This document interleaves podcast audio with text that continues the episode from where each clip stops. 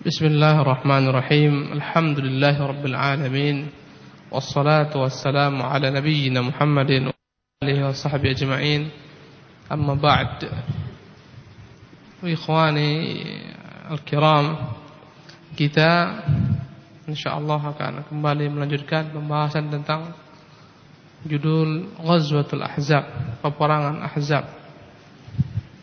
Peperangan Ahzab adalah peperangan boleh dikatakan yang terbesar dari bilangan personil pasukannya pada masa Rasulullah sallallahu alaihi wasallam. Ghazwatul Ahzab.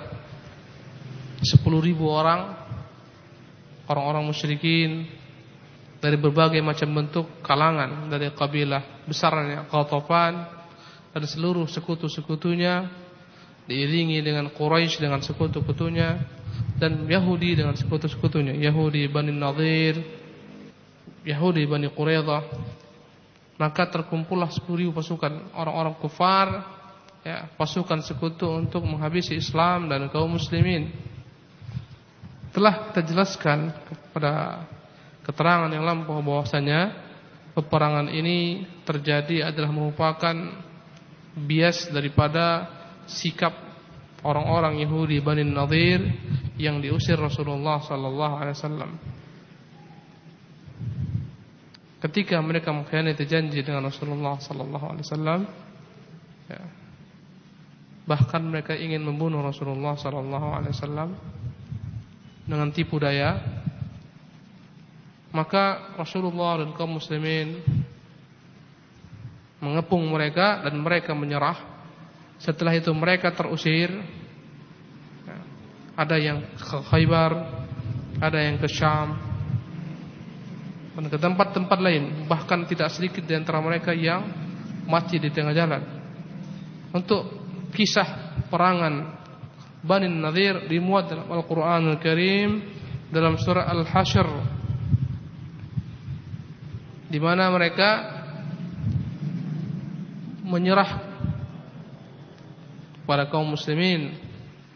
Dan Rasulullah sallallahu alaihi wasallam berikan kepada mereka kesempatan 10 hari untuk membawa apa yang mereka mampu bawa kecuali persenjataan. Maka mereka rubuhkan rumah-rumah mereka dengan tangan-tangan mereka. Mereka rubuhkan pintu-pintu rumah-rumah mereka mereka bakar mereka hancurkan supaya tidak ditempati oleh kaum muslimin yang mampu mereka bawa, mereka bawa, mereka bawa tiang-tiang rumah mereka, pintu-pintu mereka bawa.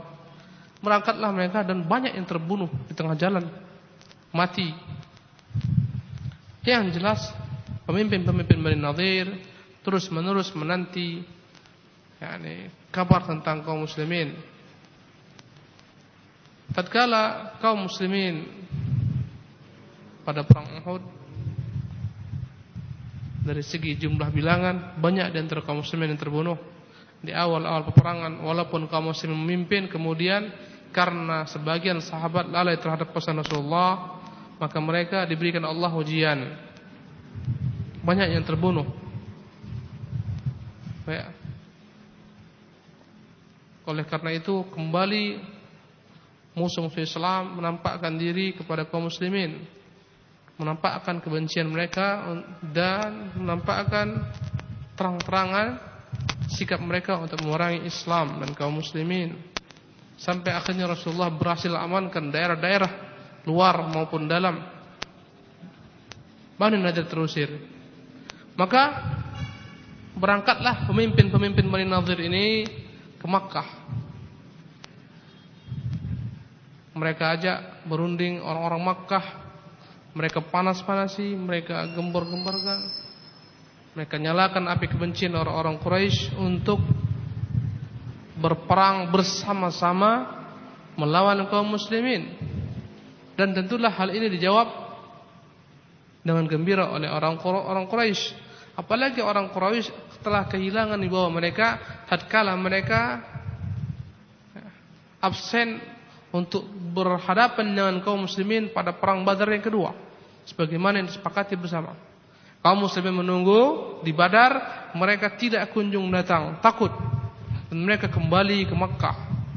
Maka sebenarnya yang membuat Abu Sufyan kembali ke Makkah Karena hitung-hitungan kembali dengan keberanian kaum muslimin.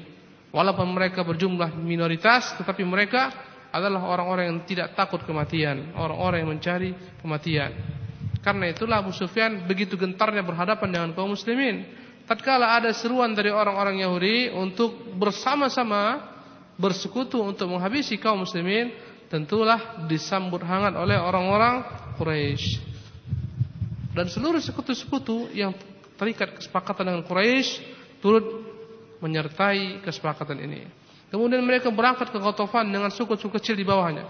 Kembali mereka mengobarkan api peperangan kebencian kepada kaum muslimin dan akhirnya terkumpullah dari mereka 10 ribu pasukan bersama-sama menuju Makkah bersama-sama menuju Madinah untuk menghabisi kaum muslimin.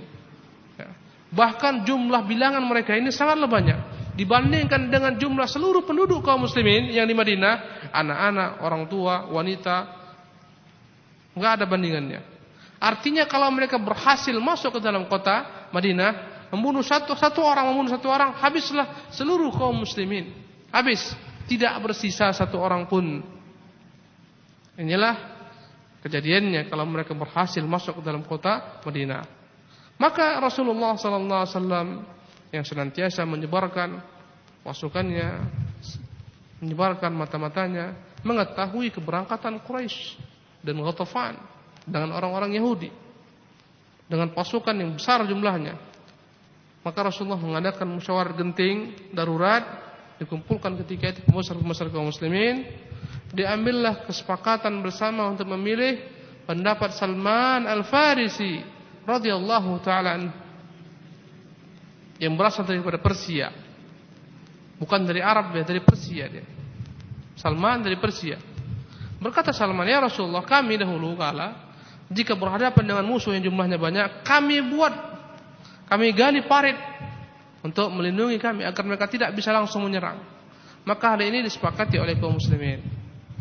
Bekerjalah kaum muslimin pagi sampai sore hari. Dari pagi sampai sore hari mereka bekerja. Rasulullah bagi kaum muslimin menjadi kelompok-kelompok untuk menggali sekian daripada tanah. Rasulullah bagi masing-masing maka mereka dengan giat bekerja pagi sampai sore. Bahkan Rasulullah pun turut mengangkut tanah-tanah, memindahkan tanah-tanah. Mereka gali parit yang besar, yang panjang. Di kota Madinah tepatnya pada tempat yang terbuka. Tidak semua kota Madinah mereka gali parit, tidak. Karena sebagian besar kota Madinah pada masa dahulu kala tidak seperti seperti sekarang.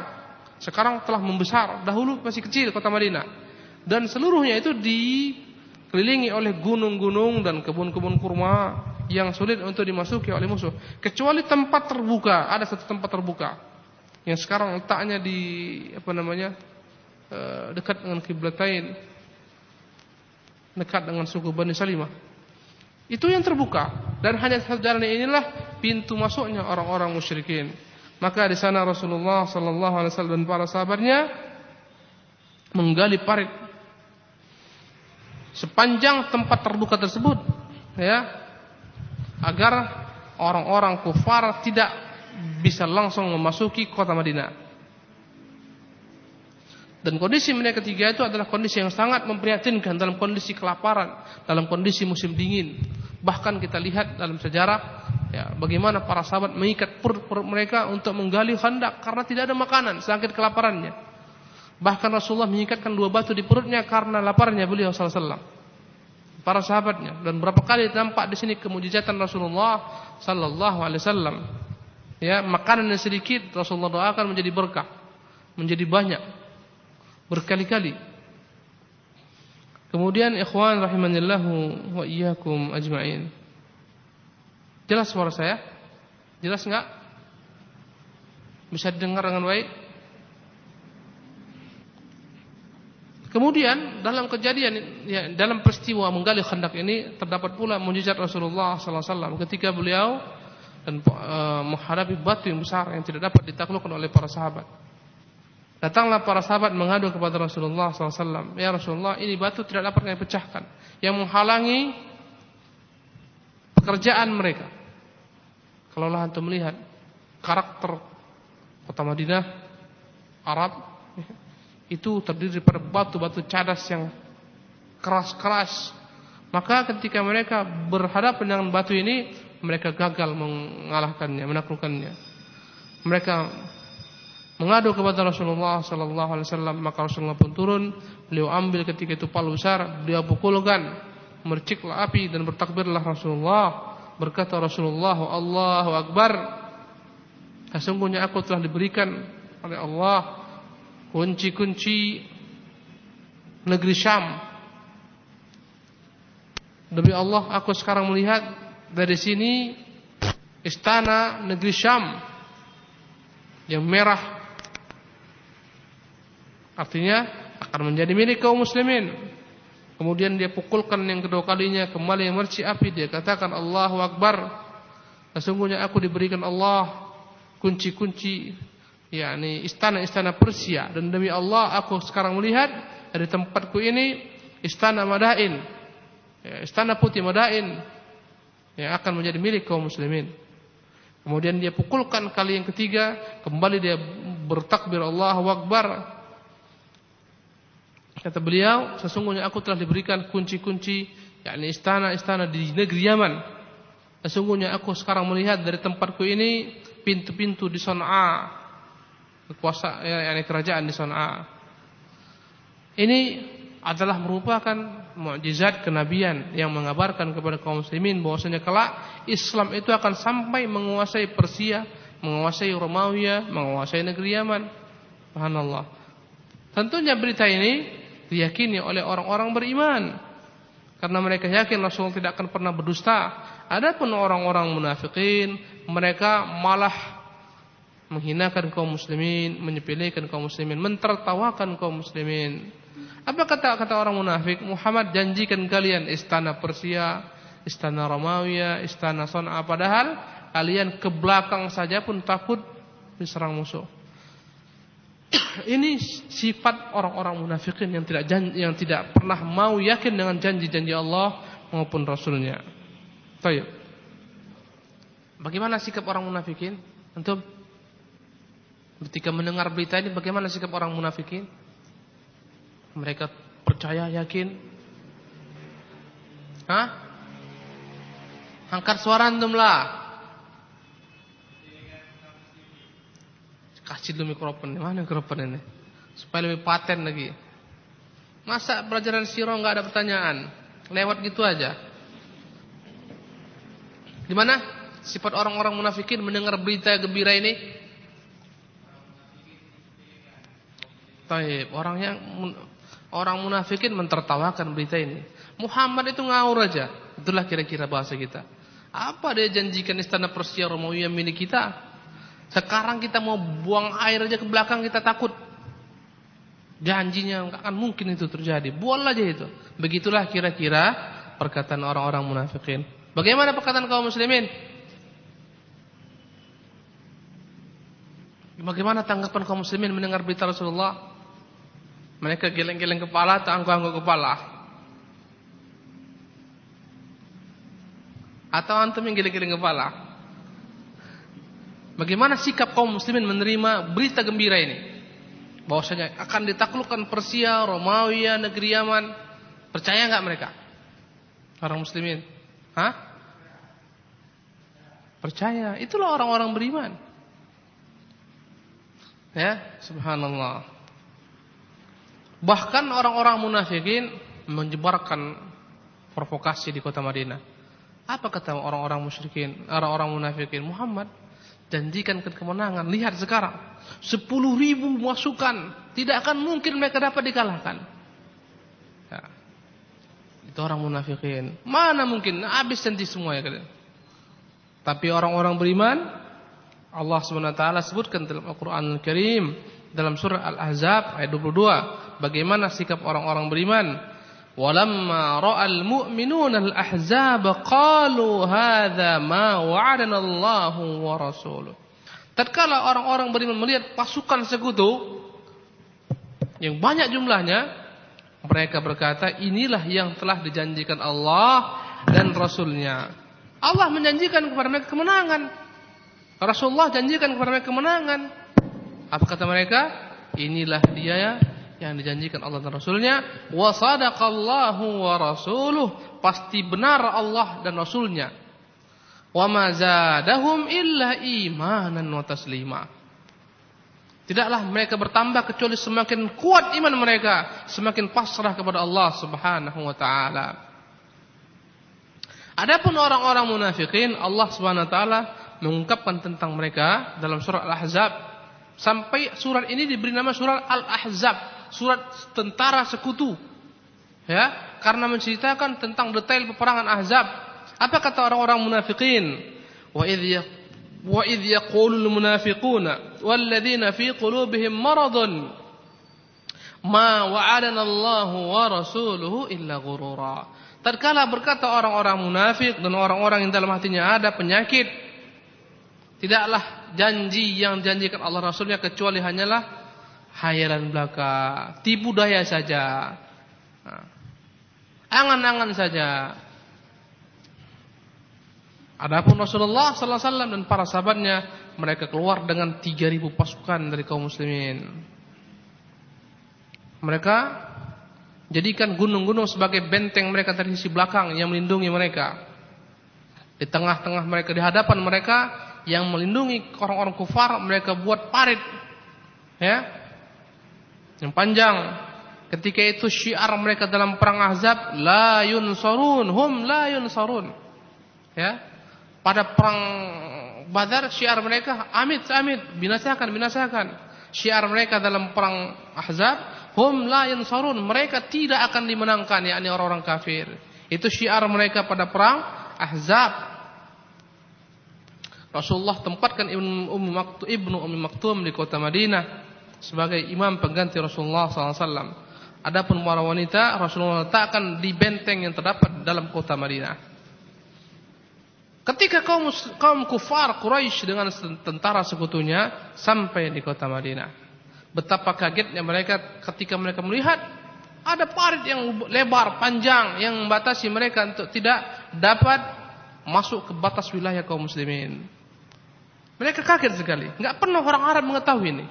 Ya, orang Arab tidak pernah tahu strategi perang Khandak, ini menunjukkan kepada kita dalam masalah strategi peperangan. Tidak mengapa kaum muslimin meniru orang-orang kufar dalam perkara-perkara yang memang mendatangkan kemaslahatan. Enggak salah. Jika antum tiru persenjataan orang-orang kafir yang canggih, enggak ada salah. Bukan masuk ke dalam kategori tasyabbuh. Ya, mereka pakai tank. Jangan antum bilang ini orang kufar kita enggak boleh tasyabbuh. Akhirnya kita pakai kuda lawan tank. Mereka pakai senjata api. Antum bilang, ya ini tasyabuh kita ikut-ikut mereka. Itu pakai ketapel. Itu namanya buang-buang umur, buang-buang apa namanya nyawa sia-sia. Ya, Allah persiap, perintahkan kita untuk mempersiapkan pasukan, persenjataan yang membuat mereka takut. Wa a'iddu lahum mastata'tum. Persiapkan untuk mereka apa-apa yang kau mampu, ya. Min quwwah daripada kekuatan. Berkata Rasulullah, "Al-quwwala innal quwwata ramyu." Ketahuilah kekuatan di sini adalah romyo, memanah. Pada masa Rasulullah memanah. Sekarang kalau antum pakai panah itu, ya berapa kalilah jauhnya. Sekarang yang menggantikan panah itu akar berapa itu? Antum tahu itu? Ya, akar berapa Sopin? Pak Irfan? Hah? AK-47, AK-48, AK-49 Gak tahu kita nomor-nomornya Itu yang menggantikan panah itu Belajar antum Taib. Jadi harus dengan persenjataan yang membuat mereka takut, membuat mereka gentar, dipersiapkan. Turhibu nabihi adu Allah wa aduwakum membuat gentar musuh-musuh Allah musuh kalian. Ini tidak masuk ke dalam kategori tasyabbuh yang dilarang. Karena Rasul mengatakan man tasyabbaha biqaumin fahuwa minhum. Yang meniru satu kaum akan digolongkan menjadi bagian mereka. Ini perkara yang boleh kita tiru. Ya. Bukan terlarang. Dari Persia diambil, dari sistem perang orang-orang Persia, orang kafir, orang Majusi, kita ambil nggak ada masalah. Maka kagetlah orang-orang kufar Quraisy dengan tentara sekutu. Terpaksa mereka tidak bisa langsung perang tanding, tetapi mereka mengepung kaum muslimin. Mereka kepung kaum muslimin. Kemudian satu hal yang perlu anda ketahui, orang-orang Quraisy tidak pernah tahu bahwasanya mereka akan menghadapi parit besar seperti ini. Jadi mereka tidak memiliki persiapan untuk masa pengepungan yang panjang. Kalau mereka tahu begini keadaannya, boleh jadi mereka siapkan bekal yang banyak. Tapi karena mereka kaget, mereka mereka yakin masuk ke Madinah akan mereka kuliti semua kaum muslimin. Begitulah kira-kira. Mereka yakin, tapi ternyata ada penghalang parit besar. Subhanallah, yang membuat mereka terpaksa harus menunggu, harus uh, mengepung, memblokir jalan-jalan, ya. Terpaksa mereka harus kepung kaum muslimin. Tentunya membutuhkan persiapan bekal yang banyak dan mereka tidak siap dengan bekal yang banyak. Jadi mereka tidak pernah perhitungkan perkara ini di luar perkara di luar perhitungan mereka. Karena itulah sebagian daripada orang-orang musyrikin begitu marahnya terhadap strategi yang membuat mereka ini bingung. Mereka cari-cari mana tempat parit yang terdekat, jangka jaraknya. Mereka cari mana kira-kira yang dekat jaraknya. Ya. Agar mereka dapat masuk dari sana. Mereka jalan ke sana kemari tapi kaum muslimin tetap mengontrol mereka. Tatkala mereka coba-coba turun, panah menghujani mereka. Subhanallah. Kalau mereka coba-coba turun, panah. Mereka coba-coba lompat, panah. Subhanallah. Sampai hal ini membuat kaum muslimin sibuk sehingga salat asar pun mereka nggak bisa mereka kerjakan pada waktunya. Udah tenggelam matahari Isya baru mereka bisa salat asar. Sampai-sampai Rasulullah mengutuk orang-orang kafir Quraisy yang membuat mereka lalai, tidak dapat mengerjakan sholat asar pada waktunya. Subhanallah. Menunjukkan betapa sibuknya kaum muslimin. Ke mana pun mereka jalan, mencari peluang-peluang untuk masuk, menyerang, akan diikuti kaum muslimin. Diserang dengan panah-panah kaum muslimin. Para ikhwan yang dimuliakan oleh Allah SWT Kemudian berkali-kali mereka mencoba ya untuk menyeberangi parit tersebut bahkan untuk buat jembatan. Mereka coba-coba buat jembatan. Diserang kaum muslimin. Muncullah beberapa orang orang Quraisy para pahlawan Quraisy yang gagah berani, yang tidak takut mati, ya. Semisal Amr bin Abd bin Abd Wud, Ikrimah bin Abi Jahal, Dirar bin Khattab dan lain-lainnya ya mereka cari tempat yang paling sempit dari parit tersebut dan mereka turun ke sana. Ya.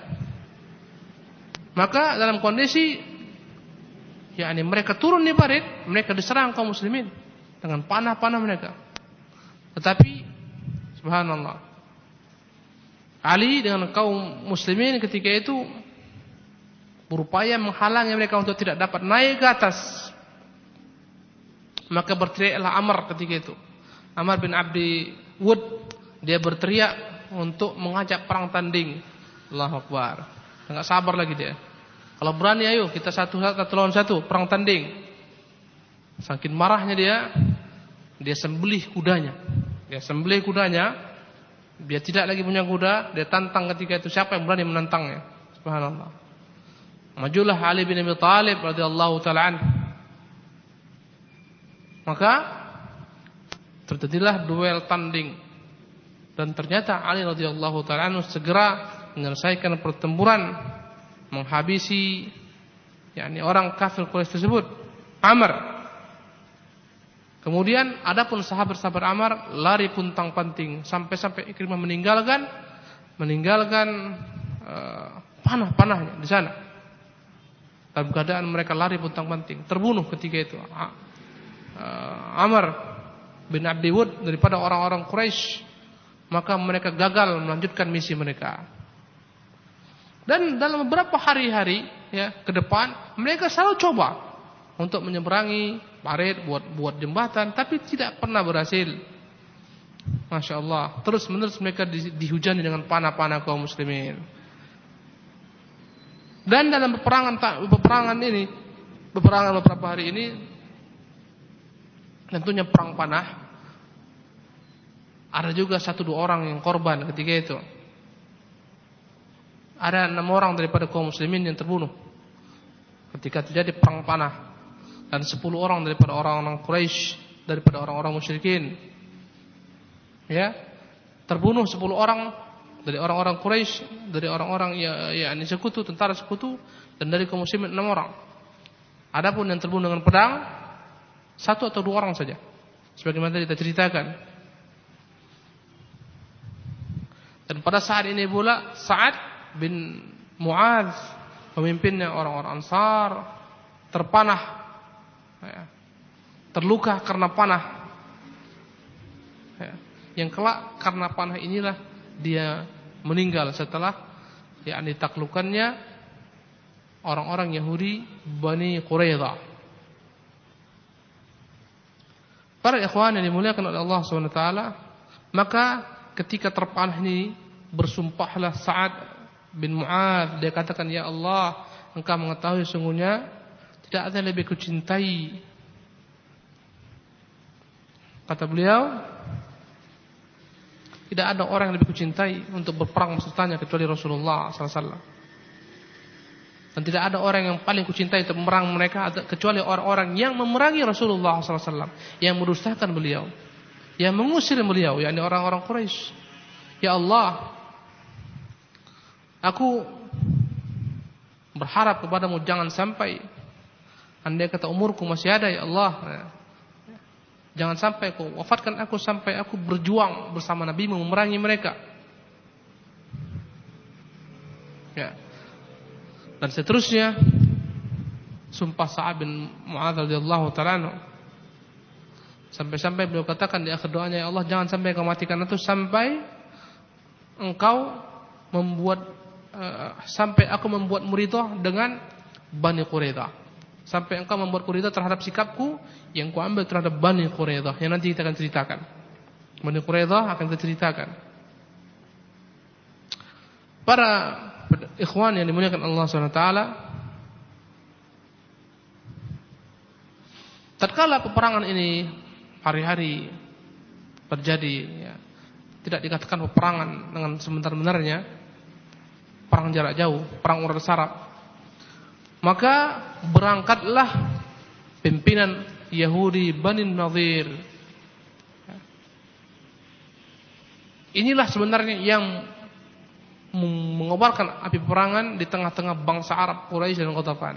Berangkat api yakni beberapa orang daripada Bani Nadir masuk diam-diam ke arah belakang kota Madinah memasuki kampungnya Bani Quraidah. Bani Quraidah adalah suku Yahudi yang tinggal satu lagi di dalam kota Madinah. Yang arah belakang kota Madinah.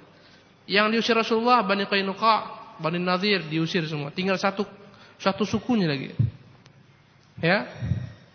Dia pelan-pelan masuk, dia datang ke rumah Ka'ab bin Asad. Ka'ab bin Asad adalah pemimpin Yahudi Bani Quraidah. Dan sebenarnya telah terjadi kesepakatan antara Rasulullah dengan Yahudi Bani Quraidah untuk sama-sama mempertahankan kota Madinah, bekerja sama menjaga keamanan kota tersebut dari musuh-musuh mereka. Maka berusahalah Huyai Huyai bin Akhtab pemimpin Bani Nadir untuk menggagalkan perjanjian ini. Menggagalkan perjanjian antara Bani Quraisy dengan Rasulullah. Ya, berkata Huyai, dia ketuk pelan-pelan rumah Ka'ab, dia katakan, "Ya Ka'ab, aku datang dengan kemuliaan zaman." Wahai Ka'ab, aku datang dengan kemenangan. Berkata ketika itu Ka'ab, "Jangan ganggu aku. Kau datang dengan kehinaan zaman." Sesungguhnya orang-orang Islam adalah orang-orang yang menepati janji. Jangan kau kacaukan janjiku dengan mereka. Ini di awal-awal perkataan Kaab. Tapi terus menerus dirayu, dirayu, dirayu. Ya Kaab, ini kau datangkan kau dengan 10 ribu pasukan. Kau bayangkan 10 ribu pasukan. Ditambah lagi dengan kalian. Bagaimana Muhammad bisa menghadapinya? Ini adalah waktu emas, kesempatan emas yang akan kita habisi mereka semuanya. Dirayu, dirayu, dirayu. Udah, batalkan perjanjian, bantu kami. Jangan lagi kalian menepati perjanjian yang telah buat. Khianati, khianati saya janji tersebut. Bantu kami, berpihaklah kepada kami. Ini kesempatan terakhir mereka. Dirayu, dirayu. Akhirnya Ka'ab pun terayu. Dirayu, dirayu maka dia pun apa? Terayu. termakan rayuan, subhanallah. Akhirnya dia ya, putuskan kesepakatan dengan Rasulullah. Dia khianati kesepakatan dengan Rasulullah. Ya, ini adalah merupakan takdir Allah SWT untuk menetapkan kehinaan kepada orang-orang Yahudi sepanjang zaman. Allahu Akbar. Apa kata Huyai bin Akhtab? Wahai Ka'ab, aku datang dengan orang-orang Quraisy, dengan Ghatafan. Mereka bersepakat telah membuat janji bahwa mereka tidak akan tinggalkan orang-orang Islam sampai mereka berhasil tidak akan tinggalkan kota Madinah sampai mereka berhasil menghabisi Muhammad dengan seluruh pengikutnya ya kobarkan semangat pemimpin Bani Quraidah padahal berkali-kali di, di awalnya berkata ketika itu Ka'ab aku tidak pernah melihat Muhammad kecuali adalah orang yang jujur menepati janji. Tetapi karena ber, berkali-kali inilah syubhat berbahaya sekali. Ya. Kalaulah la qadar kalaulah memang tidak Allah takdirkan datang Huyai bin eh, Akhtab niscaya tidak akan dihinakan Bani Quraidah. Kelak Bani Quraidah semuanya dieksekusi mati. Waliyadzubillah. Karena pengkhianatan ini. Semua laki-lakinya eksekusi mati. Nanti kita akan ceritakan dalam peperangan Bani Quraidah. Ini adalah dampak pengkhianatan. Dalam kondisi kaum muslimin terjepit, di depan mereka itu musuh 10 ribu, di belakang mereka orang-orang Yahudi Bani Quraidah telah membatalkan perjanjian. Subhanallah. Bahkan mereka kirim makanan, mereka kirimkan bantuan, mereka kirimkan kuda-kuda sebagai tanda bahwa mereka telah berpihak kepada sekutu. Subhanallah. Pengkhianatan terbesar. Subhanallah. Sampai-sampai Rasulullah SAW ingin ya membuat kesepakatan dengan orang-orang Ghatafan. Apa kesepakatannya? Panen kali ini dua per tiga hasil kurma Madinah untuk orang-orang Qatafan. Tapi dengan syarat mereka semuanya nyingkir, jangan ikut-ikut. Biar kami dengan Quraisy akan berhadapan perang tanding. Subhanallah. Ini enggak imbang. Rasulullah ingin membuat kesepakatan. Hasil kurma Madinah itu adalah hasil yang paling besar. Madinah terkenal dengan kurmanya. Rasulullah bermusyawarat dengan pemimpin Ansar Sa'ad bin Mu'ad dan Sa'ad bin Ubadah. Bagaimana jika kita serahkan dua per tiga hasil kurma kita ini kepada mereka. Dengan syarat Ghatafan menyingkir pulang. Biar kita selesaikan peperangan dengan orang-orang Quraisy. Itu sebenarnya musuh kita. Ya, berkata ketika itu kedua tokoh Islam ini Sa'ad, Sa'ad bin Mu'ad dan Sa'ad bin Ubadah. Ya Rasulullah. Apakah ini adalah merupakan wahyu, perintah? Jika ini perintah kita patuhi. Apakah yang keperbuat ini adalah merupakan tipu daya peperangan? Kami lihat tidaklah ini pendapat yang baik. Ataukah keperbuat ini karena kasihan kepada kami orang-orang Ansar? Karena jumlah kita yang sedikit ya Rasulullah. Engkau kasihan kami berhadapan dengan jumlah yang besar. Kata Rasulullah, ya. Kuperbuat karena kasihan dari kalian jumlah kalian sedikit. Kata mereka, demi Allah, tidak ya Rasulullah. Pada waktu kami kafir saja, tidak pernah kami berikan kepada orang-orang yakni ghatafan, kurma walaupun satu buah kecuali dalam bentuk jamuan makanan sebagai tamu jamuan. Tamu kami berikan. Ya. ya. Sedekah kami berikan. Sekarang setelah Allah muliakan kita dengan Islam, kita berikan kepada mereka kurma-kurma kita tidak demi Allah ya Rasulullah, tidak ada memiliki kecuali pedang ini saja. Subhanallah, antum bayangkan itu. Kok kayak gitu kaum muslimin? Ini loyo-loyo. Kaum muslimin ini loyo-loyo ini. Ya Ferry, loyo-loyo kaum muslimin. Kok begini? Subhanallah. Ya Rasulullah, enggak ada. Tidak kita berikan kepada mereka kecuali pedang ini. Ha.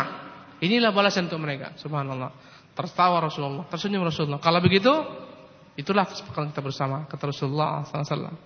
Ketika mendengar desas-desus ya, orang-orang Yahudi Bani Quraidah ini mengadakan ya, ini pengkhianatan, Rasulullah cek beritanya.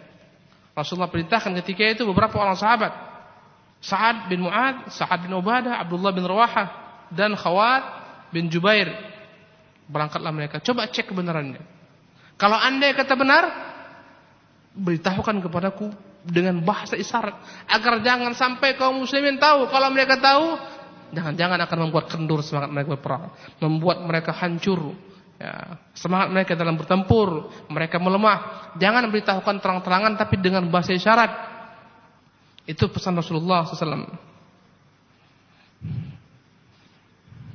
Andai kata ternyata mereka masih dengan kesepakatan lama, maka teriakkan kepada para sahabat, buat mereka dengar.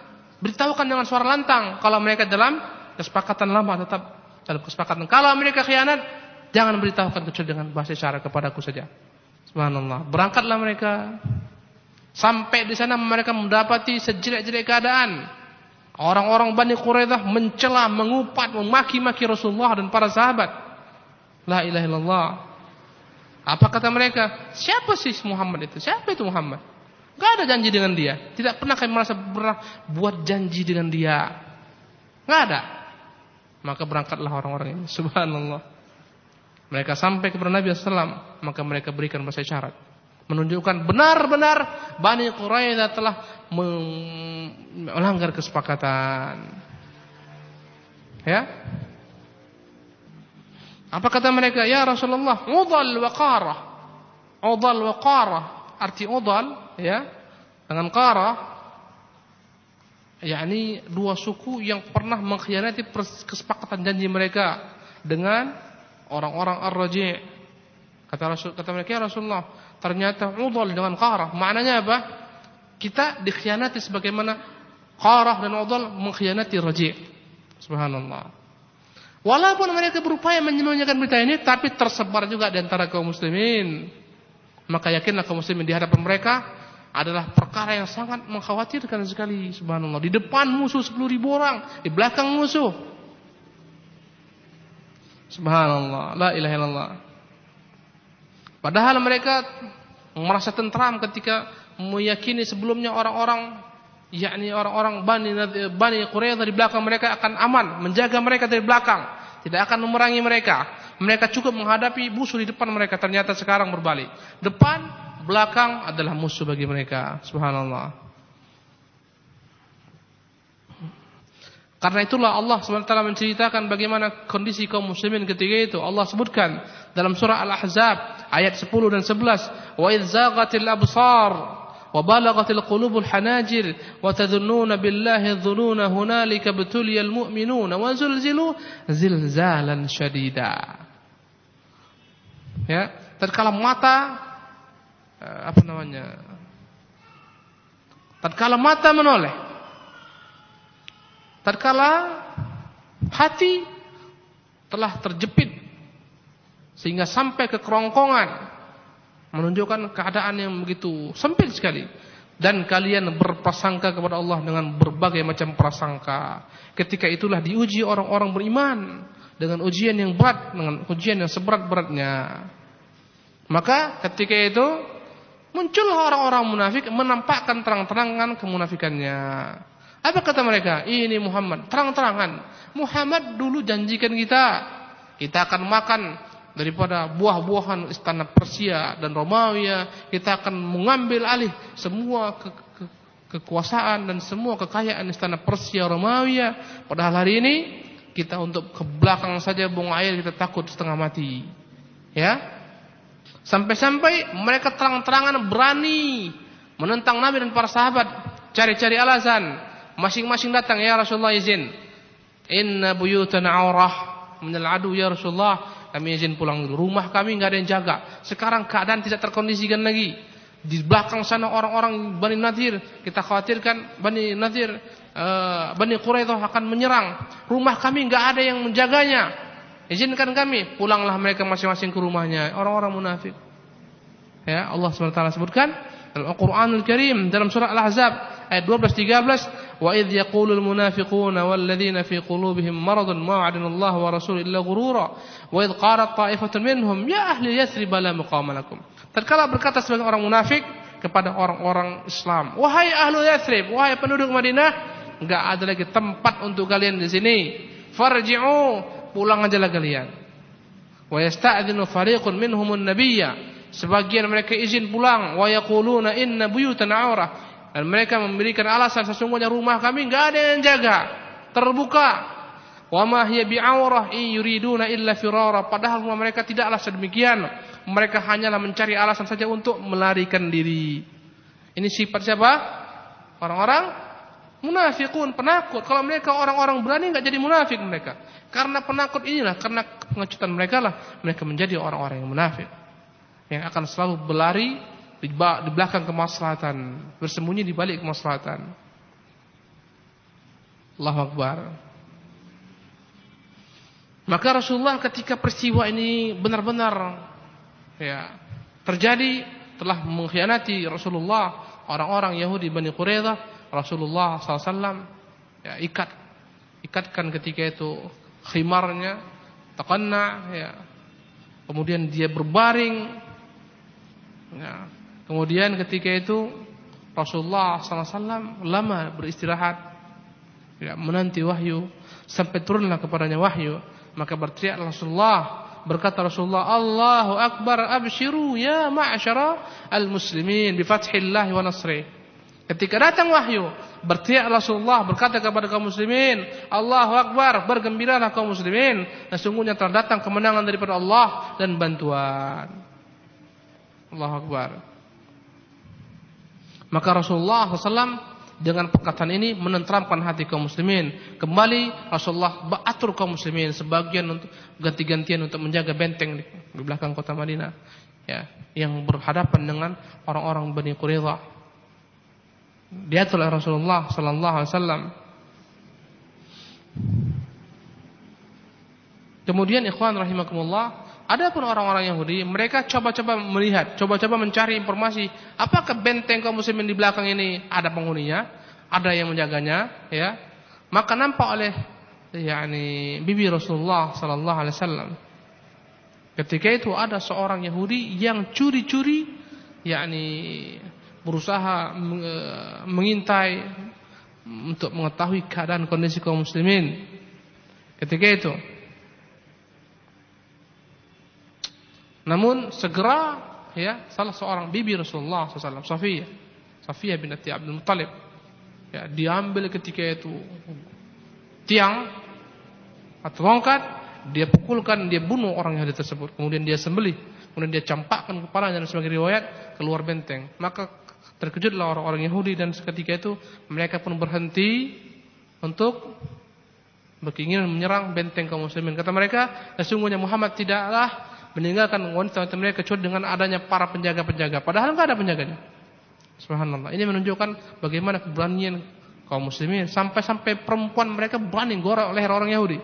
Subhanallah. Antum nyembeli kambing aja takut. Mana mau menyembeli orang Yahudi? Kemudian ikhwan, Allah SWT rancang bagaimana peperangan ini agar dimenangkan kaum muslimin. Masuk Islam salah seorang daripada suku Qatafan. Subhanallah. Namanya Nuaim bin Mas'ud bin Amir Al-Asy'ai daripada Al-Asja'. Namanya Nuaim bin Mas'ud. Berkata, laki ini Nuaim ya Rasulullah, aku ini sekarang telah masuk Islam. Tapi kaumku enggak tahu aku masuk Islam. Perintahkan aku sesukamu, apa yang aku buat? Untuk kemenangan kaum muslimin. Subhanallah. Datanglah bantuan Allah Subhanahu wa taala. Kata Rasulullah, kamu hanya seorang. Buatlah bagaimana supaya antara mereka saling tidak percaya satu sama lainnya. Agar sesama mereka itu hilang kepercayaan. Agar sama mereka itu saling curiga mencurigai. Buat mereka kacau. Subhanallah. Berangkatlah dengan percaya diri sekali Nuaim. Menemui sukunya. Orang-orang Ghatafan. Subhanallah. Dan sebelumnya, sebelum berangkat menemui sukunya, sukunya dia berangkat terlebih dahulu ke Bani Quraidah. Bani Quraidah belum tahu keislamannya, dianggap dia masih sama suku Qatafan dan Quraisy antara sekutu. Dan dahulu kala Nuaim ini adalah merupakan orang yang dekat dengan orang-orang Yahudi Bani Quraidah di masa jahiliyah. Bahkan ada hubungan kerabatan. Masuklah ketika itu Nuaim ke benteng orang-orang Yahudi dengan bahasa yang indah, yang memukau. Dia berkata, "Araftum wuddi lakum, ufdi iyyakum." Kalian tahu benar, kalian tahu benar bagaimana cintaku kepada kalian. Subhanallah. Kalian tahu aku bagaimana aku mencintai kalian. Kalian tahu ada hubungan antara aku dengan kalian. Maka mereka berkata, "Benar, engkau orang benar." Apa kata mereka? Mulai dia masukkan ketika itu racunnya. Mulai dia adu domba. Ingat, Aku ini orang yang paling mencintai kalian. Tapi aku beritahukan kepada kalian. Dengarkan baik-baik. Quraisy itu bukan seperti kalian. ya negeri ini tempat tinggal kalian. Di negeri ini harta kalian ada, anak-anak kalian, istri-istri kalian. Ya, nggak akan mungkin mampu kalian tinggalkan kalau anda kata terjadi apa-apa. Adapun Quraisy dengan sekutunya, kalau ada apa-apa mereka lari pulang selesai perkara, nggak ada yang mereka takutkan, nggak ada yang mereka pikirkan. Orang-orang Quraisy, orang-orang Qatafan, mereka datang untuk memerangi Muhammad dan para sahabat-sahabatnya. Kalau anda kata orang-orang Islam berhasil mengalahkan mereka, ini negeri-negeri kalian. Mereka akan lari ke belakang, tinggallah kalian di sini. Tinggallah kalian, ya ingat-ingat aja lah kepala akan melayang, itulah kira-kira. Hmm. Kalau anda kata orang-orang Quraisy, ya, lari dengan kotafan, tinggallah kalian di sini menunggu kematian. Berkata ketika itu mulai terpengaruh mereka. Berkata ketika itu Ka'ab memimpin orang-orang Yahudi Bani Quraidah. Jadi apa menurut yang paling baik kalian perbuat? Wahai Nuaim, begini aja. Jangan kalian mau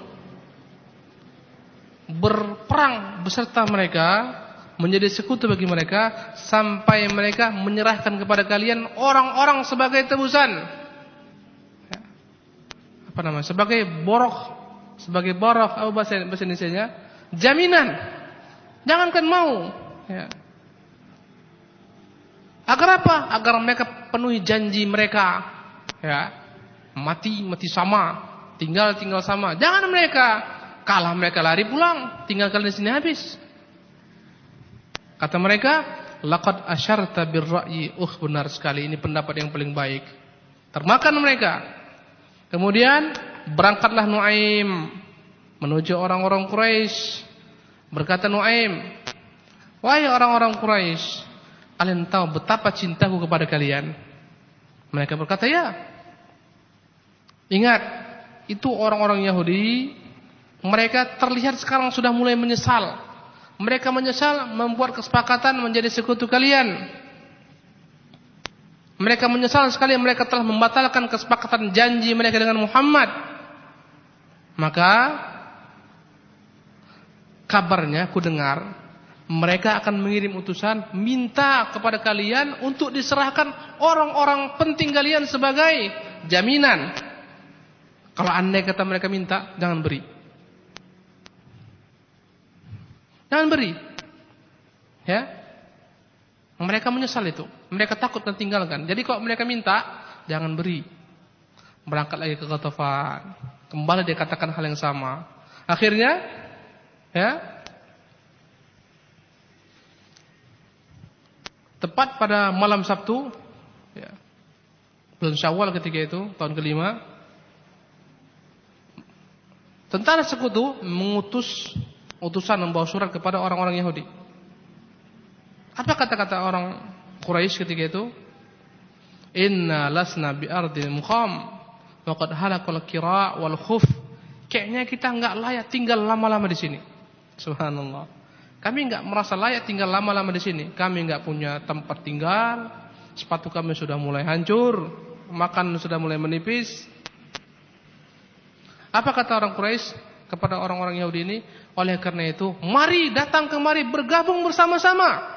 Jangan kalian di benteng kalian sana, kami di sini. Mari bersama-sama kita di sini menghadapi mereka.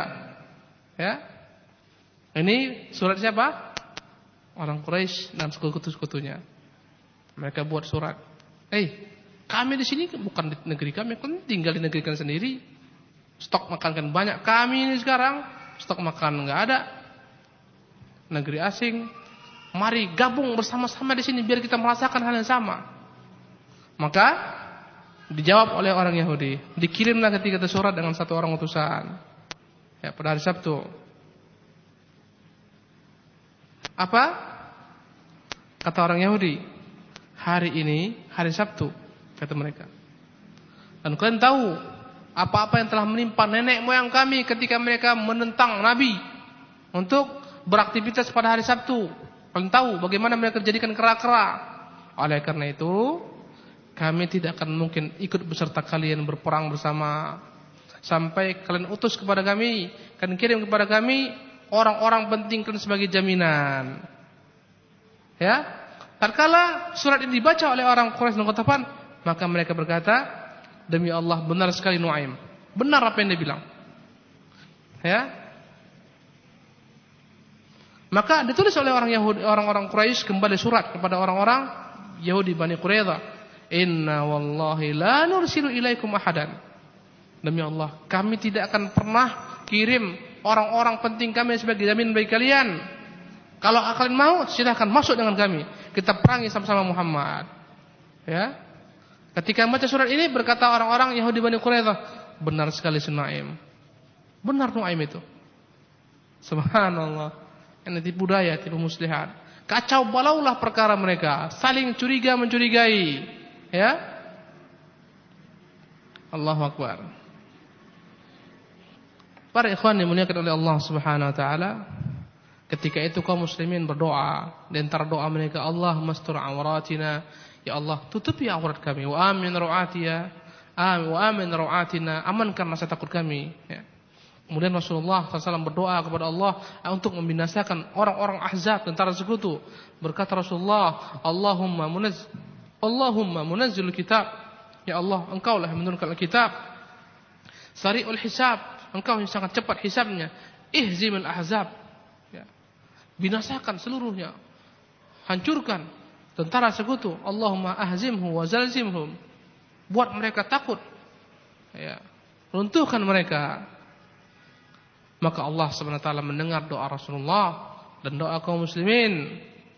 Terkala telah mulai tampak perpecahan di tubuh orang-orang musyrikin. Mereka saling curiga mencurigai. Allah Subhanahu wa taala kirimkan kepada mereka tentara yang tidak terlihat berupa angin yang kencang yang bolak-balikkan yang menyampakkan tenda-tenda mereka apapun yang mereka buat tercampak dengan angin. Tenda-tenda mereka terbalik semua, tercabut dari akar-akarnya. Semua kuali-kuali mereka, semua alat masak mereka hancur, berantakan, terbalik-balik semuanya. Tidak ada yang mampu bertahan angin kencang. Subhanallah. Allah kirimkan malaikat-malaikat untuk membuat rasa takut di hati musuh-musuh Islam, orang-orang Quraisy dan sekutu-sekutunya.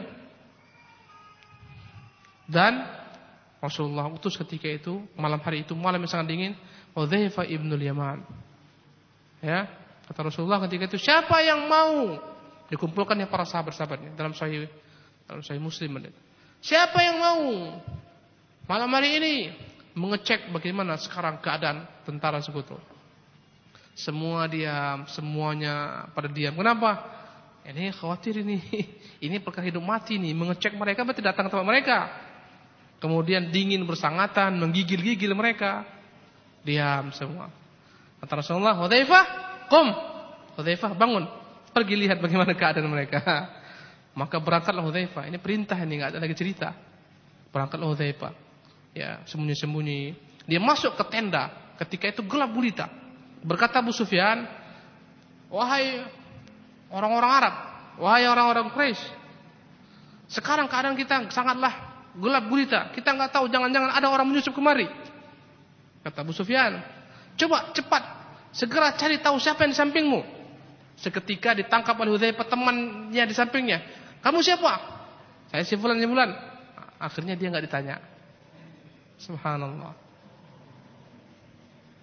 Gelap gulita. Pulanglah Hudzaifah. Ya. Pada waktu pagi hari. Sebelum fajar, sebelum terbit fajar dalam kondisi gelap menyebutkan bagaimana telah goncangnya telah telah apa namanya kacau balau urusan orang-orang Quraisy kepada Rasulullah sallallahu alaihi wasallam ya. maka ketika itu benarlah janji Allah Subhanahu wa taala. Bagaimana Allah membela wali-walinya. Sadaqah wa'dah membenarkan janjinya. Wa nasara 'abdah, menolong hambanya Muhammad. Wa azza jundah, memuliakan tentaranya. Wahazamal ahzab wahda menghabiskan menghancurkan membinasakan orang-orang tentara sekutu dengan sendirinya. Subhanallah.